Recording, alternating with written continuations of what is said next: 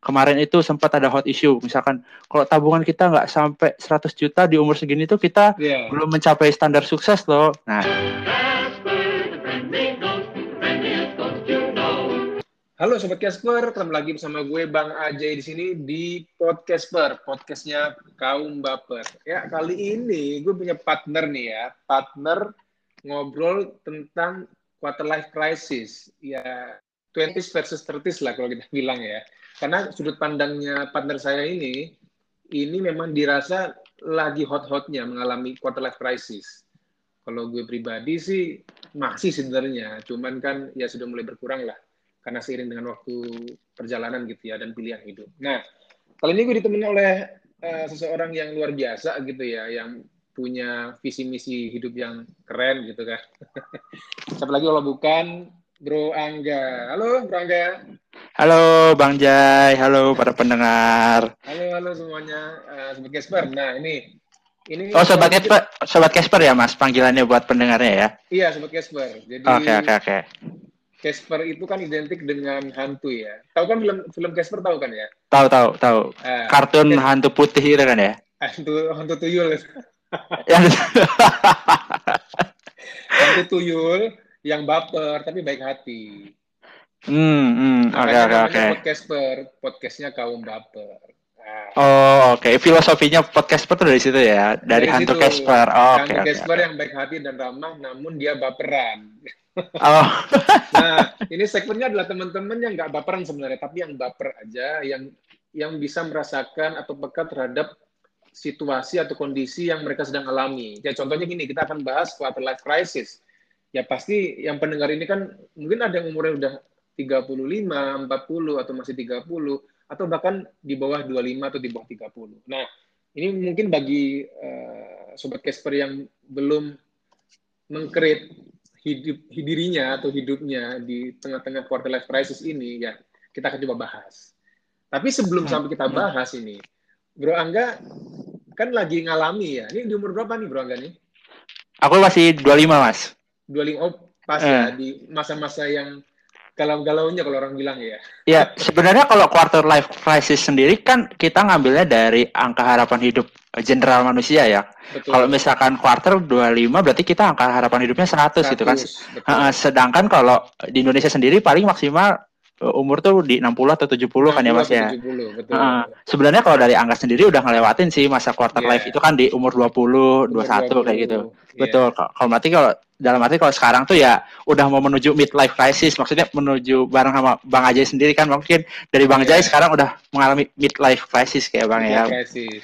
Betul betul betul. Cuman gini, uh, kadang-kadang ini namanya quarter life crisis ini kan patokannya sebenarnya masih yoyo ya. Artinya yoyo apa? Eh, kadang-kadang apa yang diresahkan di umur sekarang ini di umur 20, 19 gitu ya. Itu ternyata masih ada yang merasakan di umur 25 ke atas loh. Jangan salah.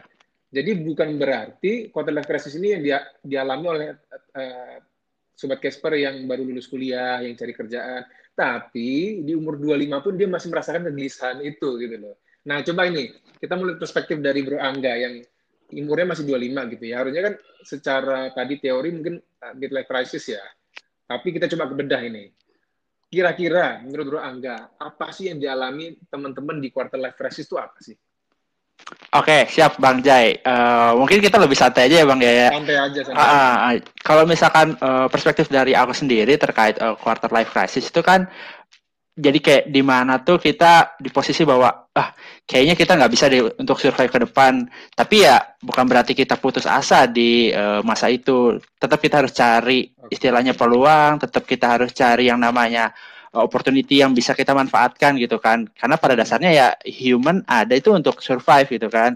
Yeah. people belong to survive kayak gitu. Makanya jadi kayak ya udah kalau misalkan memang uh, kita lagi ada di masa-masa krisis gitu kan ya hmm. ya udah kita istilahnya cari-cari aja apa pun peluang yang ada kita manfaatin kita maksimalin di situ. Gitu sih bang Jai tapi kalau uh, ya cuma karena kan uh, perspektif krisis setiap orang tuh beda-beda kan ya. Ada yang istilahnya dari perspektif kalau misalkan kita nggak mencukupi materi, misalkan kalau yang kemarin itu sempat ada dari yang mana kayak gitu, perspektif dari yang mana kayak gitu. Semua balik lagi sih, karena nggak bisa digeneralisir uh, sukses itu sama di setiap orang, karena kita nggak pernah tahu background setiap orang tuh kayak gimana kayak gitu sih kalau menurut aku. Jadi ya do your best hmm. at your place aja sih gitu. Siap, siap, siap. Nah, hmm. kalau itu kan masih terlalu general banget ya, Bro Angga ya. Nah, hmm. ini hmm. gue baru dapat artikel ya dari Alo Dokter nih. Mungkin uh, sobat Casper udah tahu nih alodokter.com ya. Tanda-tanda quarter life crisis nih. Ada sedikit uh, kurang lebih tujuh poin. Mungkin gue bacain poin-poinnya. Kira-kira nih Bro Angga masih ngalami itu enggak sih? Gitu ya. Kalau memang enggak gitu, nah kemarin pada saat mengalami itu apa sih yang dihadapi dan apa yang dilakukan gitu ya? Yang pertama, hmm. Hmm. sering merasa bingung mengenai masa depannya. Oh, hmm. Kemudian, di listing dulu berarti ya Bang ya? Saya listing dulu aja, listing dulu okay, aja. Okay, okay, saya sebutkan dulu aja.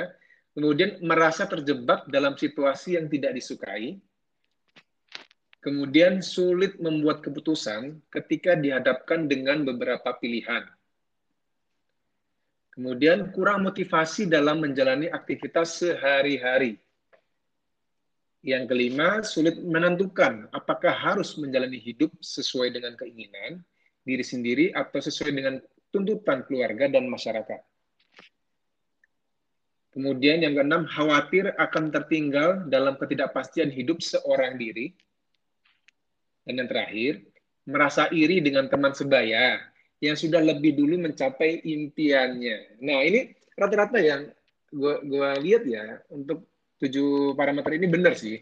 Artinya ini tanda masa-masa di mana pada saat itu orang bilang itu mencari jati diri ya, berangkat itu ya. Lagi mencari jati diri, terus pengakuan atau validasi orang lain, dan sebagainya gitu. Nah, di poin pertama nih coba, sering merasa bingung mengenai masa depannya. Sempat nggak ngalami seperti itu? Kalau dibilang bingung sih pasti ada ya Bang Jaya. Uh, hmm. Untuk sobat Casper pun pasti yang dengerin saat ini pasti juga ada gitu kan yang mengalami kebingungan untuk masa depannya karena kan kita juga nggak tahu nih ke depan nih bakal kayak gimana gitu kan. Ya kalau dari aku sendiri sih maksudnya dalam ngatasin hal kayak gitu ya do your best at present time aja gitu karena what you do today is will represent you next gitu. Jadi kayak ya udah kayak sekarang uh, kamu lakuin yang terbaik, uh, hasilnya gimana nanti aja gitu. Yang penting dari prosesnya kamu udah menunjukkan bahwa kamu tuh bisa loh untuk uh, menunjukkan yang terbaik dari sisi kamu. Gitu sih, Bang. Wah, cakep banget sih. Bener sih. Nah, tapi gini, uh, secara konkretnya ya, teman-teman atau sobat Casper ini pada saat mungkin ini di angka umur 22 ya lulus kuliah ya, 21 22 lah gitu kan yang yang biasanya gini, ketika dia lulus kerja, eh lulus kuliah gitu, kemudian saya, saya mau kerja apa? Saya mau kerja di mana? Saya bisanya apa? Nah, sempat nggak ngalami seperti itu? Bro, enggak? Atau memang sudah pede? Oh, saya punya skill ini kok, saya punya kemampuan ini, saya coba lamar ini, saya yakin saya terima, saya nggak pernah takut masa depannya suram dan segala macam. Pernah ngalami seperti itu nggak pada saat itu? Pernah, pernah banget Bang Jai. E, di mana masa baru beres kuliah, di mana orang tua juga mengharapkannya, ya iya, anak iya. habis kuliah kan bisa istilahnya memberikan e, hasil gitu kan betul, dari masa betul, pendidikannya selama ini gitu kan. Iya. Ya emang tapi kalau menurut Angga sendiri sih e, pressure itu yang dibutuhkan. Maksudnya setiap orang tuh butuh pressure di mana nanti dia akan mencari e, jalan itu yang mana sih yang terbaik gitu kalau menurut Angga sih eh, tekanan itu penting ya perlu banget gitu. Karena dengan ada yang ditekan tuh ya kita nggak punya pilihan lagi gitu kan. Eh, kita udah ditekan nih jadi ya kita harus eh, maju gitu kan. Kita harus cari pilihan. Karena kan eh, peluang itu dibuat gitu ya. Bukan berarti kayak kita ditekan nih cuma nggak ada peluang gimana? Ya kita cari peluangnya itu apa gitu yang bisa kita manfaatkan. Kayak gitu sih bang. Kalau dari Angga sendiri banyak banyak banget setelah lulus uh, banyak ngalamin yang namanya ditolak kerjaan, ditolak hmm. magang yang kayak gitu, hmm. sampai nyoba untuk uh, jual kaos, jual baju, kayak misalkan di pasar-pasar uh, kaget gitu modelnya bang ya. Ah iya betul. Uh, ya yang penting sih bisa mengenerate uh, income aja gitu kan buat keluarga gitu karena survive ya survive ya betul betul untuk survive istilahnya buat nambah-nambah pemasukan juga gitu yeah. sih iya, bang karena gimana ya uh, pada hakikatnya manusia itu bisa loh, cuma balik lagi ada kemauan atau enggak gitu. Jangan misalkan kayak kalian baru lulus nih jurusan misalkan uh, teknik pertanian misalkan kayak gitu. Hmm, Jadi hmm. aku tuh bisa loh istilahnya mengimprove uh, bahwa sektor per pertanian ini bisa memberikan kontribusi baik-baik gitu-gitu gitu. Cuma ya kalian juga harus realistis. Ada nggak uh, sektornya kayak gitu tuh uh, terbuka nggak kayak gitu. Dan jangan terlalu istilahnya jangan terlalu idealis sama yang uh, kalian pengen gitu, uh, kalian pegang teguh gitu ya. Kalau misalkan kalian idealis tapi peluangnya atau misalkan kesempatan yang nggak ada, ya ya kalian coba untuk realistis aja gitu sih bang kalau menurut aku. Kalau dari bang Jai sendiri gimana bang terkait yang tadi? yang Poin pertama tuh. mengenai masa depan itu ya. Betul betul. Tadi kalau di garis bawah sih, eh, Angga tadi cerita memang ada harus ada kemauan gitu ya. Semua orang itu pasti bisa, cuman masalah kemauan aja gitu ya. Mau mau coba untuk eh, tadi bilang orang harus setiap orang butuh namanya pressure itu. Artinya kan semakin tekan akan semakin terbang tinggi gitu ya, mumbul ya kalau kita bilang ya. Hmm, Nah, hmm. ini ini ini poin bagus sih sebenarnya. Cuman kadang-kadang ini ya, bagi bagi netizen netizen gitu ya, netizen di like gitu ya. Nggak segampang itu namanya juga stres namanya depresi namanya moodnya nggak bagus gimana dong? Nah gitu kan suka suka begitu ya. Benar-benar bang. Ya. iya. Kan eh, kadang eh, sesuatu tidak berjalan dengan mulus dan baik gitu ya. Ketika memang kita udah punya skill ya kita punya kemampuan gitu kan. Tapi uh, besok gue kerja di mana nih? Jangan-jangan gue nggak bisa kerja nih. Kemampuan gue sekian nih cuman segini itu yang eh, perlu apa ya tadi bilang bagus sih ceritanya itu bilang memang harus Hmm, ada kemauan itu kemauan kuat itu penting nomor satu Betul. Mau meyakini bahwa diri sini itu mampu gitu kan dengan kemampuan yang ada dengan lulusan yang sesuai ya kadang-kadang juga kita kerja itu nggak sesuai background gitu nggak Betul betul banget bang. Betul kan? Ya. Ah, setuju Bahkan- sih kalau itu. Itu itu adalah kemampuan survive sebenarnya survival ya kalau kita uh, kerja di tempat bukan backgroundnya kita itu kadang-kadang kemampuan adaptable-nya kita yang perlu diasah gitu ya. Kemudian kemampuan survive kita juga kemampuan bisa melihat sekitar juga dan ya sebagainya gitu. Nah gue juga pernah dulu nggak di awal-awal memang mau lulus gitu ya. Lulusnya empat tahun sih alhamdulillah empat tahun pada saat itu kan. Tapi sebenarnya pada saat itu pengen lulus lima tahun loh percaya nggak? Oh, kenapa bang?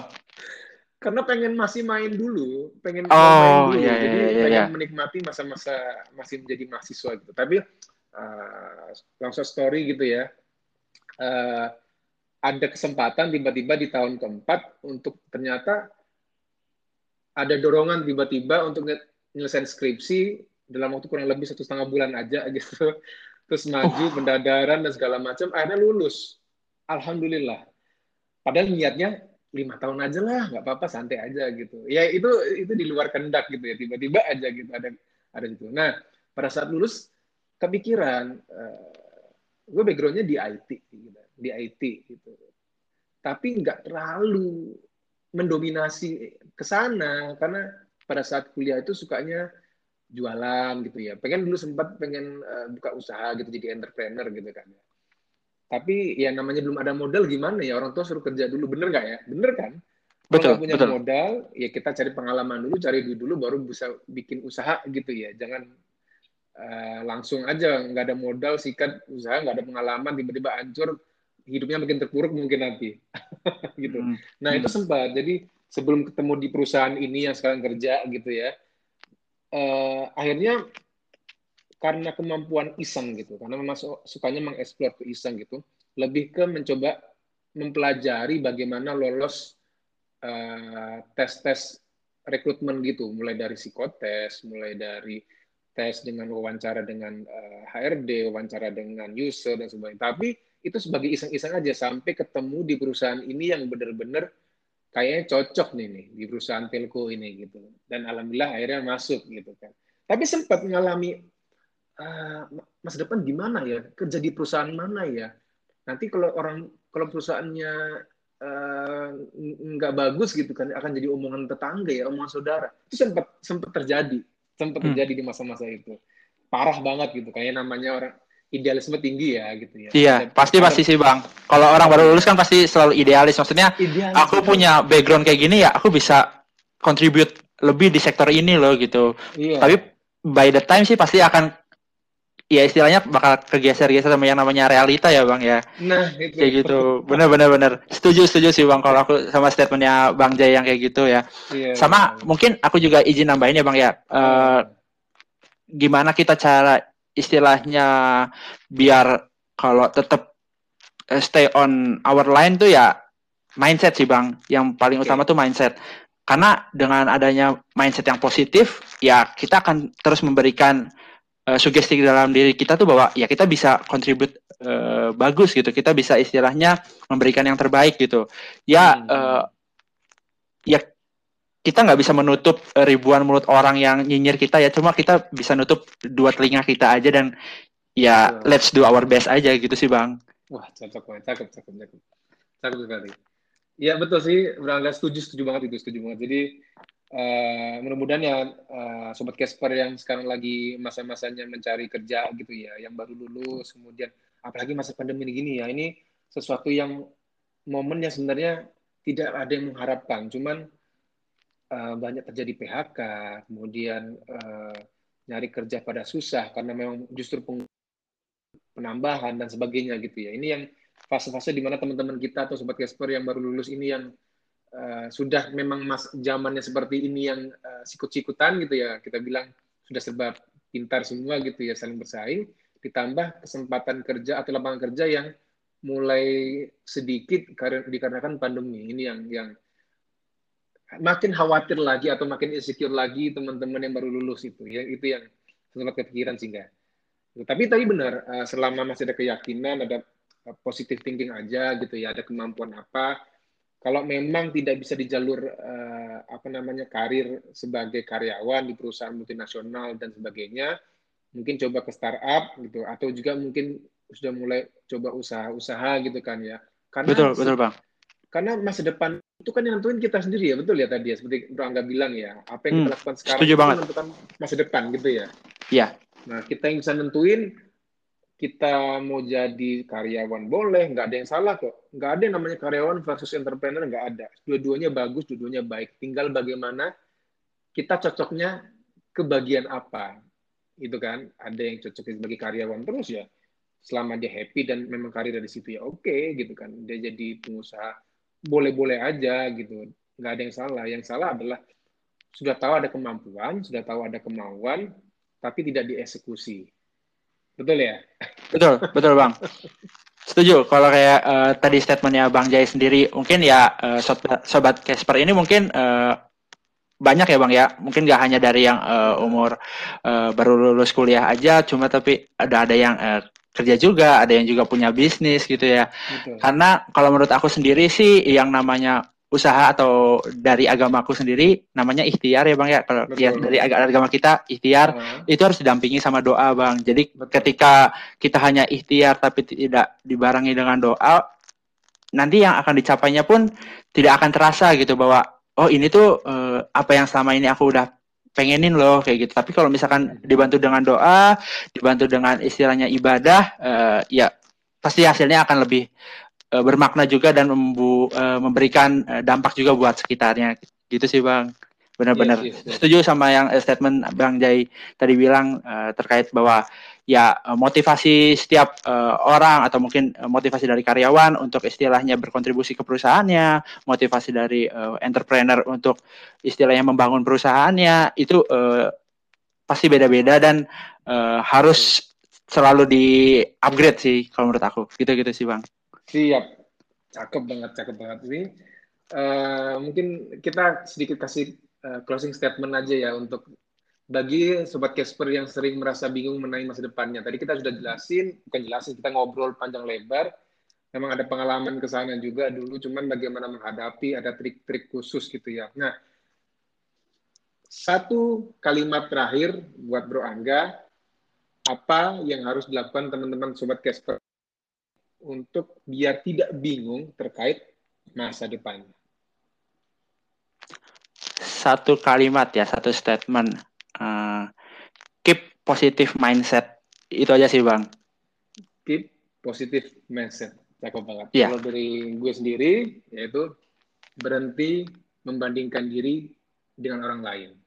Karena Wah. masa depan itu kamu yang nentuin, bukan orang lain. Oke?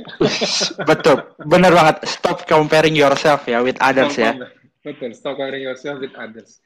Oke, benar, benar, benar. Siap.